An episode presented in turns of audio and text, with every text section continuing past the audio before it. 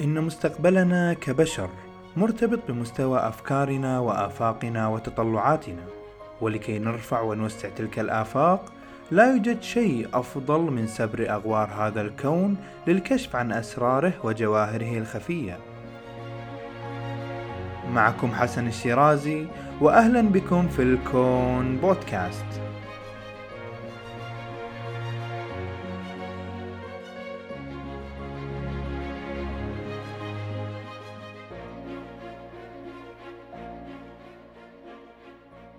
السلام عليكم.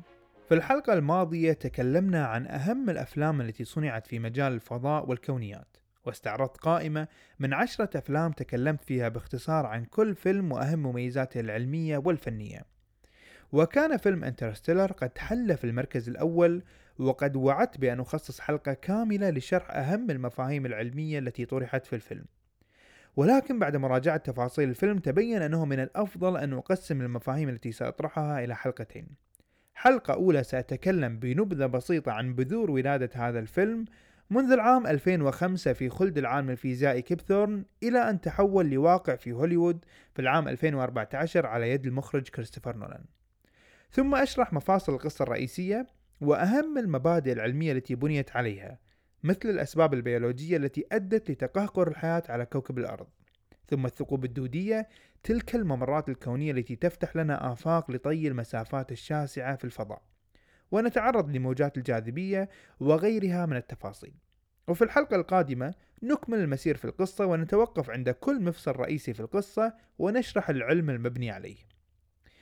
وقبل كل شيء أنوه بأن هذه الحلقة من البودكاست تأتيكم برعاية من مؤسسة الكويت للتقدم العلمي. مؤسسة الكويت لديها العديد من البرامج والكتب العلمية الشيقة والمناسبة لجميع الأعمار وجميع التخصصات.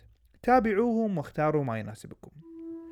وقبل أن نكمل الحلقة تنويه بسيط. إذا لم تكن شاهدت الفيلم حتى الآن يفضل أن تتوقف عن سماع هذه الحلقة وتعود لها لاحقا لأنني حقا لا أود أن أفسد عليك متعة مشاهدة هذا الفيلم بالتحديد. أما الآن فهيا بنا إلى عالم انترستيلر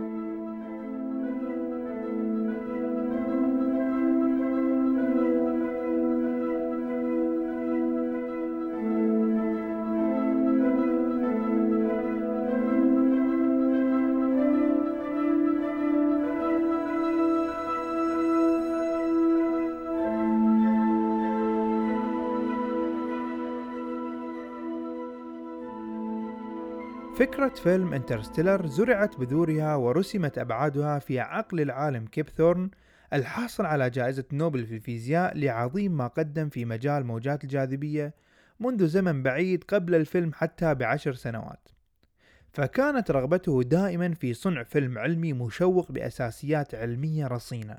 ولحسن الحظ أقول حظنا وحظ كيب أن تكون صديقته ليندا ذات معارف وعلاقات بدهاليز هوليوود.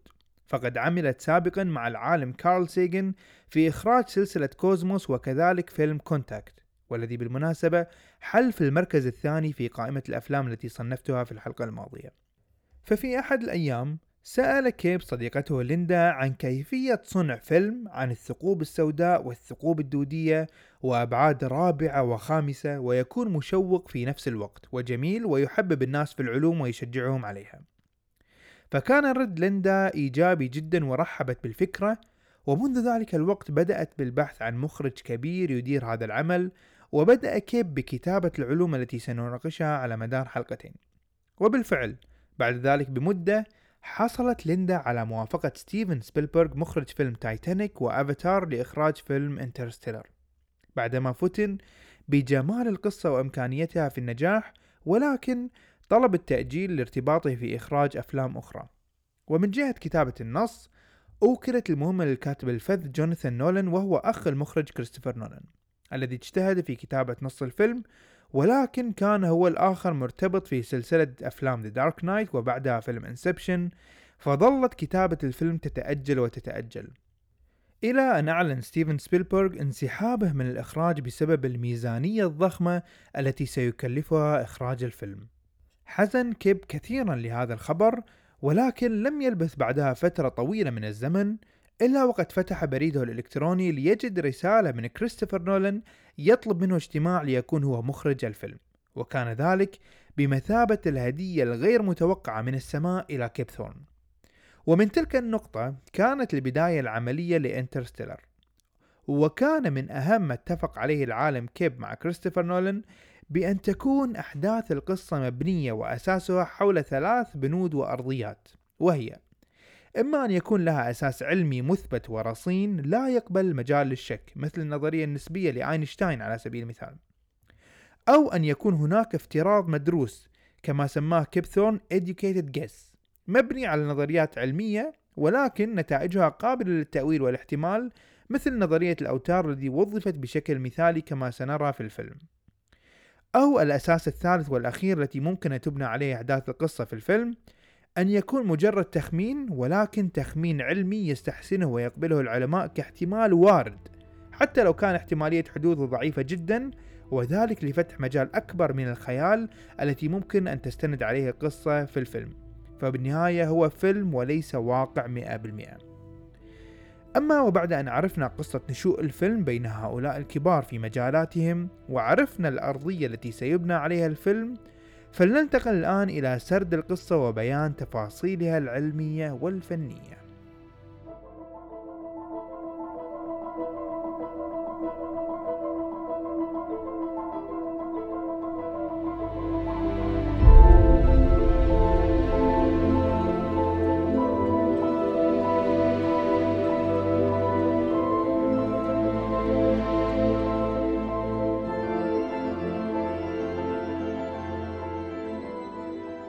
تبتدئ قصة الفيلم في بيان وضعية كوكب الأرض من حيث قابلية الحياة وصعوبة التعايش في الكرة الأرضية التي بدأت وكأنها تشيخ بعد أن مرضت بسبب كارثة جعلت النباتات فيها تموت تدريجيا وبالتالي ضربت أساس من أساسيات الحياة وسلسلة الغذاء فيها. فتتأثر الحيوانات التي تتغذى على النباتات وبدورها الحيوانات التي تتغذى على الحيوانات النباتية وبعد ذلك يتأثر مخزون الإنسان من جراء ذلك. ولا يكون لدى البشر قدرة على زراعة أي نوع غير الذرة التي تبدو هي الأخرى في طريقها إلى الزوال. وبسبب هذه الأحوال وموت النباتات تسوء الأحوال الجوية وتكثر العواصف الترابية مما يؤثر على مجموعة كبيرة من البشر التي لديها حساسية من التراب فيموت عدد كبير من الناس ويقل التعداد السكاني. وكأن الأرض تحتضر ولا حول ولا قوة أمام البشر. تقريبا هذا باختصار مقدمة للقصة. وفي الفيلم تم الإشارة إلى أن سبب هذه الكارثة شيء يدعى blight وهو المسؤول عما حل في النباتات. ولكن blight هي كلمة عامة تطلق على أي مرض يصيب النباتات بسبب عوامل مختلفة مثل الفيروسات أو البكتيريا أو الدود أو الميكروبات بشكل عام.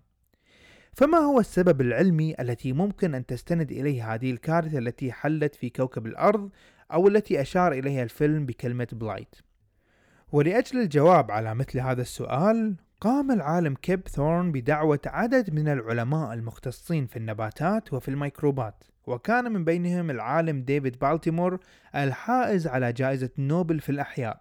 وقام كيب بوضع ميكروفون بمنتصف الطاولة ودار اجتماع لمدة ساعتين ونصف من النقاشات العلمية حول النظريات التي ممكن أن تؤدي إلى صناعة ذلك المرض الذي يصيب الأرض في انترستيلر. وكان هناك عدة اقتراحات. منها تطور فيروسات استطاع الجسم البشري مقاومتها ولكن النباتات لم تتكيف معها فأضرت بالسلسلة النباتية وبدأت بتدميرها. وكان هناك مقترح ثاني هو عبارة عن تطور فيروس الإيدز ولكن بدل أن ينتقل بالطرق المعروفة طور نفسه مع الزمن لينتقل عن طريق السعال أو الهواء. ولكن تم استبعاد هذا السيناريو بسبب أن ال blight متمحور حول النباتات أو الكارثة التي قد تصيب كوكب الأرض هي مرتبطة أكثر بالسلسلة الغذائية فقد استبعد مثل هذا الاقتراح. وهناك كان سيناريو ذوبان الأقطاب الجليدية بسبب الاحتباس الحراري مما يطلق بكتيريا كانت مخزنة في باطن الجليد حفظت منذ العصور الجليدية ولا يستطيع أحد مقاومتها الآن بعد أن تنطلق في الهواء. وغيرها من الاقتراحات وكلها يدور في فلك ما يسمى ب blight. ومن عندها ظهرت فكرة أن ميكروب يصيب النباتات فيؤثر على عملية البناء الضوئي وبالتالي تزداد نسبة ثاني أكسيد الكربون في الجو وتقل نسبة الأكسجين شيئا فشيئا ليختفي في نهاية الأمر وتموت كل الحياة في الأرض. وهو ما أشار له بروفيسور براند في الفيلم عندما أخبر كوبر بأن الأكسجين الذي نتنفسه هذه الأيام مكون 80% من النيتروجين وكمية أقل من الأكسجين. وهو ما لا نستهلكه نحن البشر ولكن يستهلكه ال blight ويتغذى عليه. مثل هذا السيناريو ممكن أن يحدث على الأوراق العلمية ولكن بشروط ومقدمات تقريبا تعجيزية وباحتمالية جدا ضعيفة. ولذلك وضعها العالم كيبثورن في كتابه تحت خانة التخمين. وقبل أن ننتقل للأمام في القصة هناك أمور فنية من الجميل توضيحها فيما يخص منزل كوبر وحقل الذرة الذي تم تصوير الأحداث فيه بالفيلم والغبار كذلك. وهي أن هذا الحقل وهذا البيت لم يكونا موجودين أساسا. ولكن المخرج نولان أصر على إيجاد بقعة مناسبة لكي يبني كل ذلك. فبعد عملية بحث مضنية وجد في ضاحية كندية مبتغاة حيث كانت أرض زراعية مبسوطة واستطاع أن يستأجرها من صاحبها وأن يبني فيها البيت القديم المهترئ كما أراد وكما يناسب أحداث الفيلم. أما مزرعة الذرة فقد استطاع أن يقنع نولان صاحب الأرض بأن يزرع فيها 120 هكتار من الذرة. في مقابل أن يأخذ صاحب الأرض محصول الذرة في نهاية الفيلم وهو ما حصل. أما بالنسبة للعواصف الترابية التي كانت تظهر في مشاهد الفيلم فكذلك نولان لم يترك مجال للكمبيوتر فيها حيث استأجر مراوح عملاقة جدا وكان ينثر التراب من أمامها وخلف الكاميرات ليكون تلك العواصف الترابية ويحصل على واقعية أكثر للمشاهد. فكل تفصيل فيما يخص الفيلم والمزرعة والغبار قد تم دراسته وهندسته بعناية كما هو الحال في باقي عناصر الفيلم كما سنرى بعد قليل.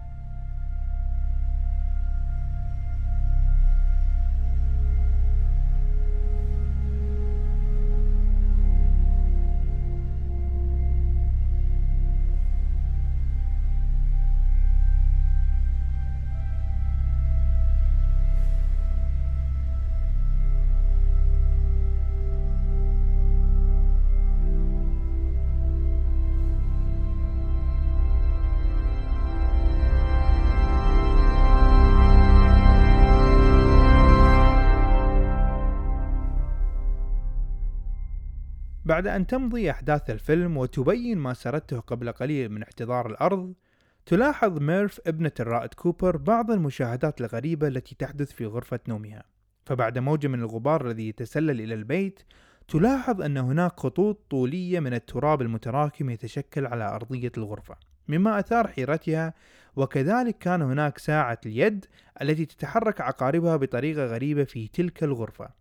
فكانت ميرف تقول لوالدها أن الأشباح هي المسؤولة عن ذلك ولكن يعارضها كوبر بأنه لا وجود للأشباح وإنما هو شذوذ مغناطيسي محتمل في هذا المكان.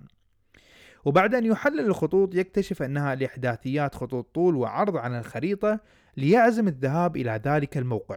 وبعد أن يمضي إلى ذلك المكان تتسلل ميرف إلى داخل السيارة دون علمه ليكتشف لاحقا أن الإحداثيات هي موقع سري جدا لوكالة ناسا. وبعد محادثات مع المسؤولين هناك وعلى رأسهم البروفيسور براند الذي يشرح لكوبر عن مهمة سرية تعتزم ناسا إرسال رواد فضاء من الأرض فيها ليجدوا كوكب بديل عن الأرض. فيتفاجأ كوبر بهذه المهمة المستحيلة. فالجميع يعلم بأن أقرب نجم شمسي ممكن أن يكون مأهول هذا بحذف جميع الافتراضات والاحتمالات التي تنهي عدم أهلية الكوكب هي 11 سنة ضوئية مما يتطلب 11 سنة لمركبة تسير بسرعة الضوء. فكيف يمكن الذهاب لكوكب بهذه المواصفات لينتقل ويعيش عليه البشر؟ ولكن البروفيسور براند يشرح لكوبر عن وجود ثقب دودي بالقرب من كوكب زحل قد كشف عن وجوده موجات جاذبية تصدر بالقرب منه. وفي الطرف الآخر من الثقب الدودي هناك ثلاث كواكب تدور حول الثقب أسود عملاق ويحتمل أن يكون أحد هذه الكواكب قابل للحياة. وقد سبق أن أرسلت ناسا رحلة سرية ولكن انقطع أخبار الرواد. وهذه الرحلة الجديدة هي بمثابة الأمل الجديد للبشرية. هذا تقريبا هو المفصل الثاني في القصة. فلنحلل الآن ما جاء فيه. فقد ورد مصطلح الثقب الدودي وموجات الجاذبية. ولكن ما هو الثقب الدودي وما هي الموجات الجاذبية؟ وسوف أفصل قليلا في الثقوب الدودية لأني كنت أنوي أعمل لها حلقة منفصلة بعد سلسلة الثقوب السوداء ولكن لم تحصل الفرصة والآن أراها مناسبة على أي حال الثقوب الدودية هي عبارة عن ممرات وقنوات كونية تختصر لك المسافات في الفضاء فإن دخلت أنت في طرفها تخرج في مكان آخر بعيد في المجرة أو حتى في مجرة أخرى ولكن كيف اكتشفت وهل هي موجودة فعلا؟ الثقوب الدودية هي حل خاص لمعادلة المجال لأينشتاين وتسمى The Schwarzschild Wormhole.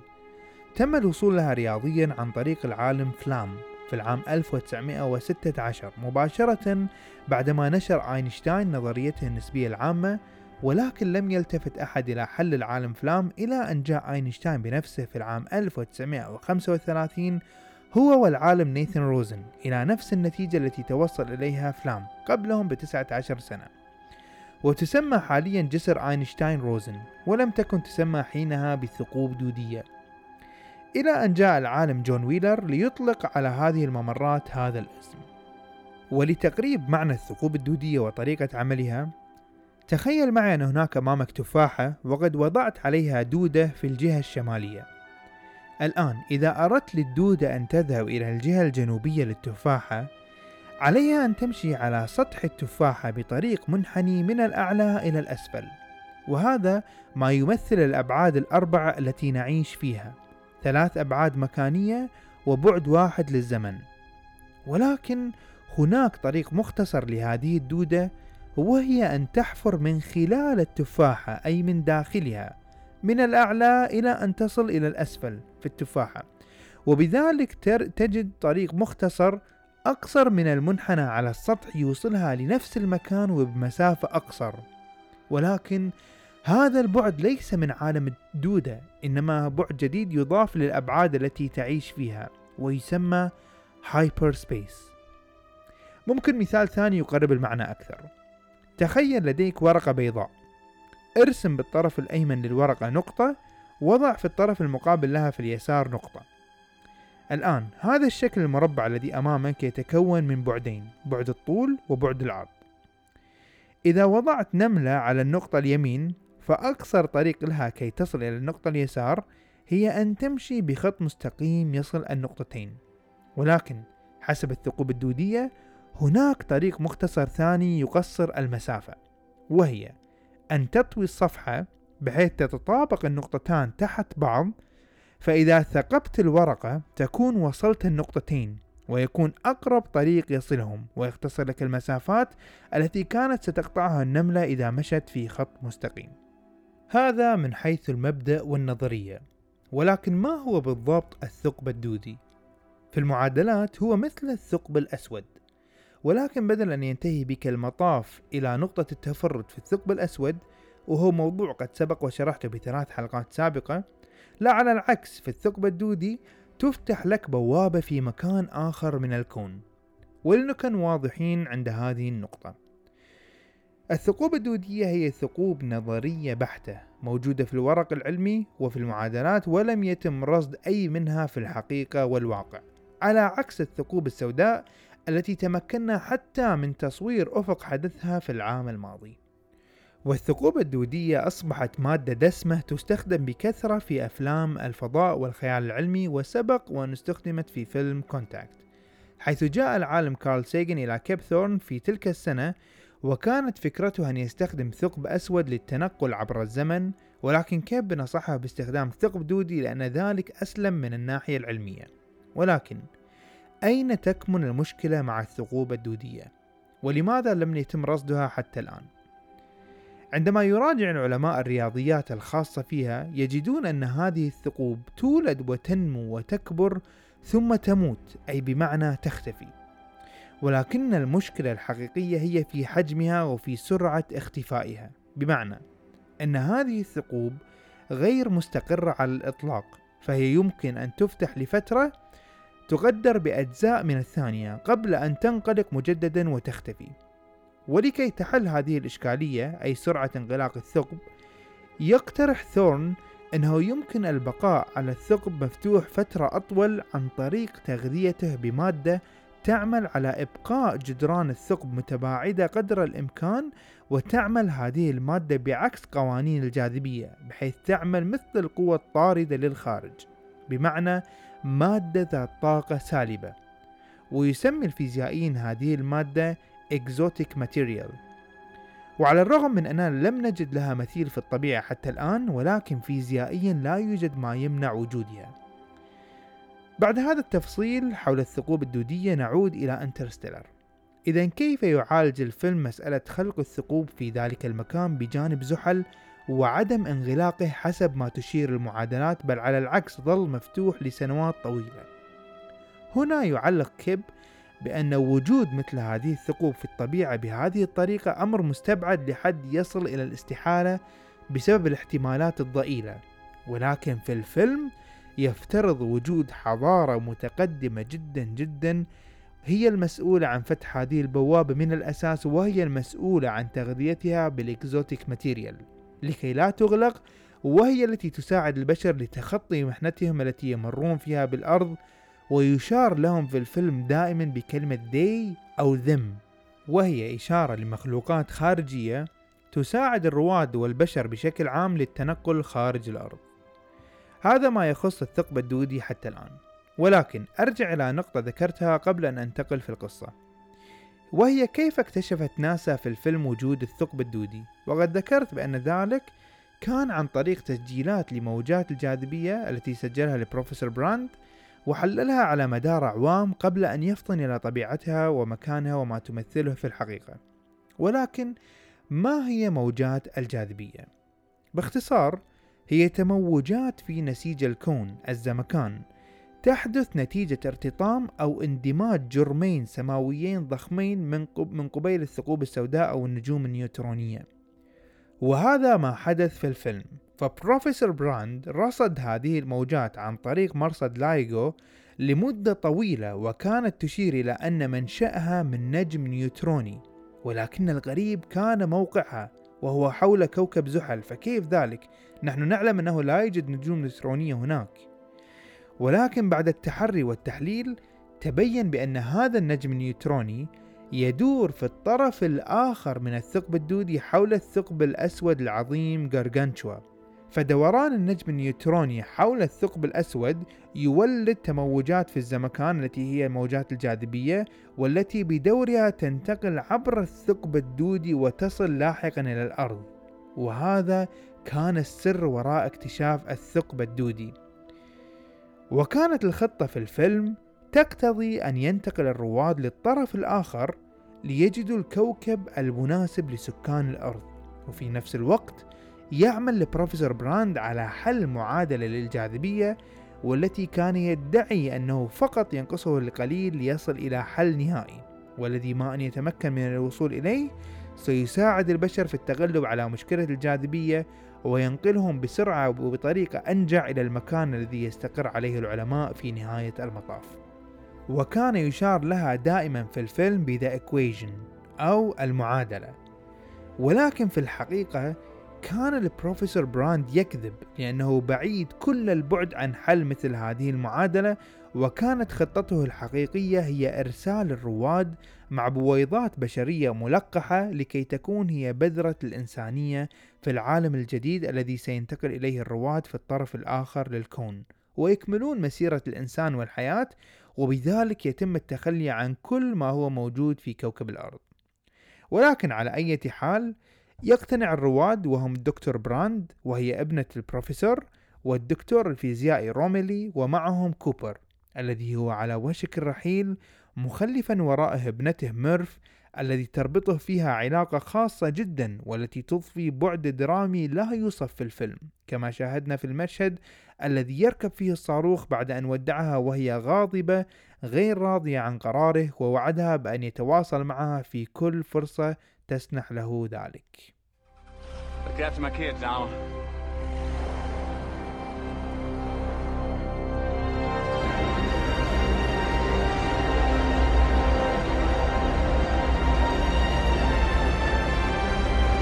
Go for main engine start. T minus 10. Dad! 9. Dad! 8. 7. Dad! 6. 5. Main engine start. 4. 3. 2. 1. Booster ignition and.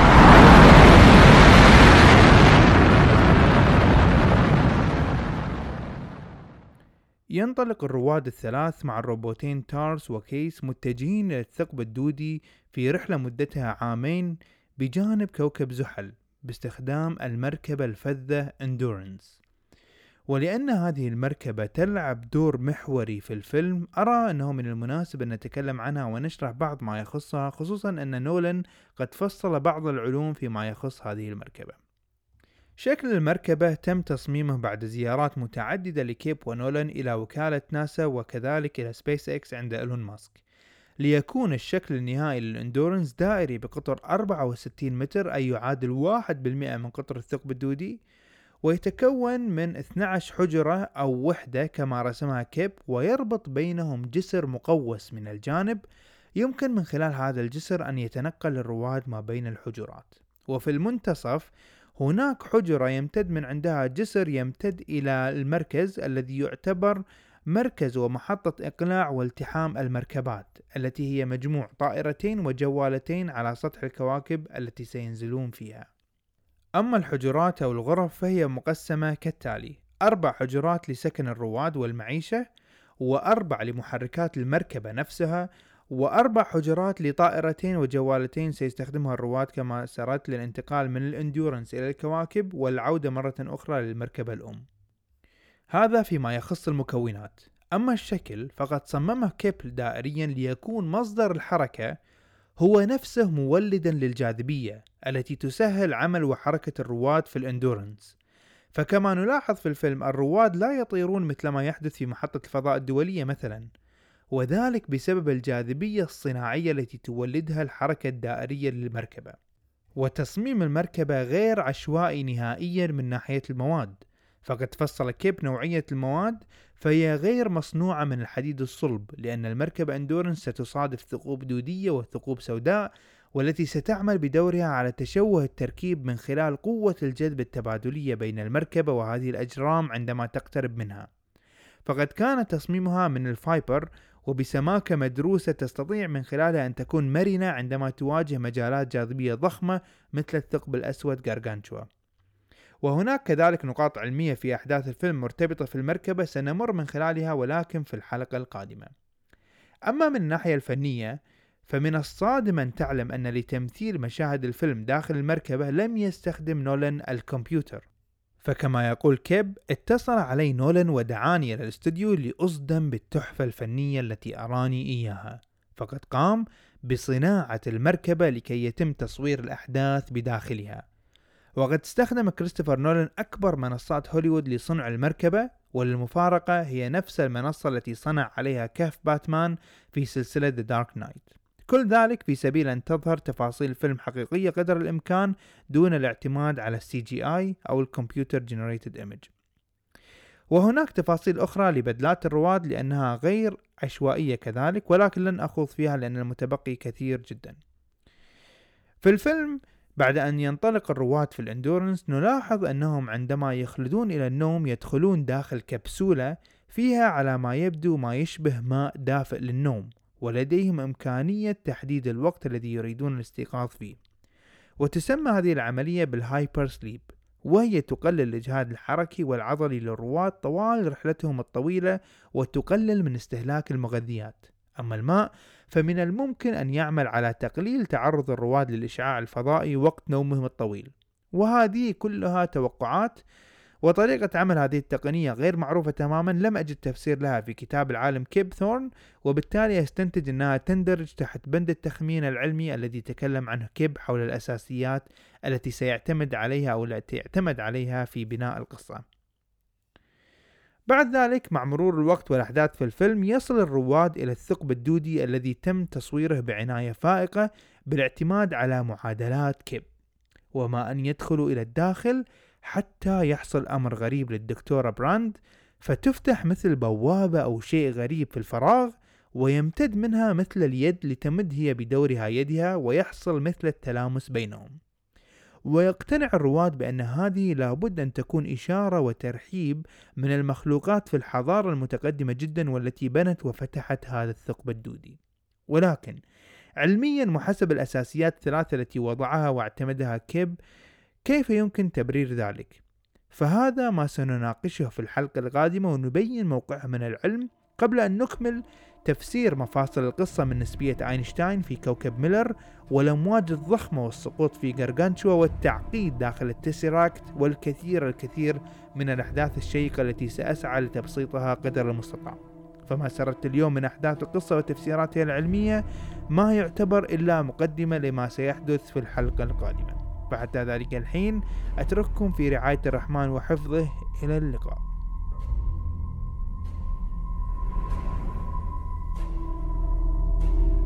Do not go gentle into that good night. Old age should burn and rave at close of day. Rage, rage against the dying of the light. Though wise men at their end, no dark is right, because their words had fought no lightning they. Do not go gentle into that good night. Rage, rage against the dying of the light.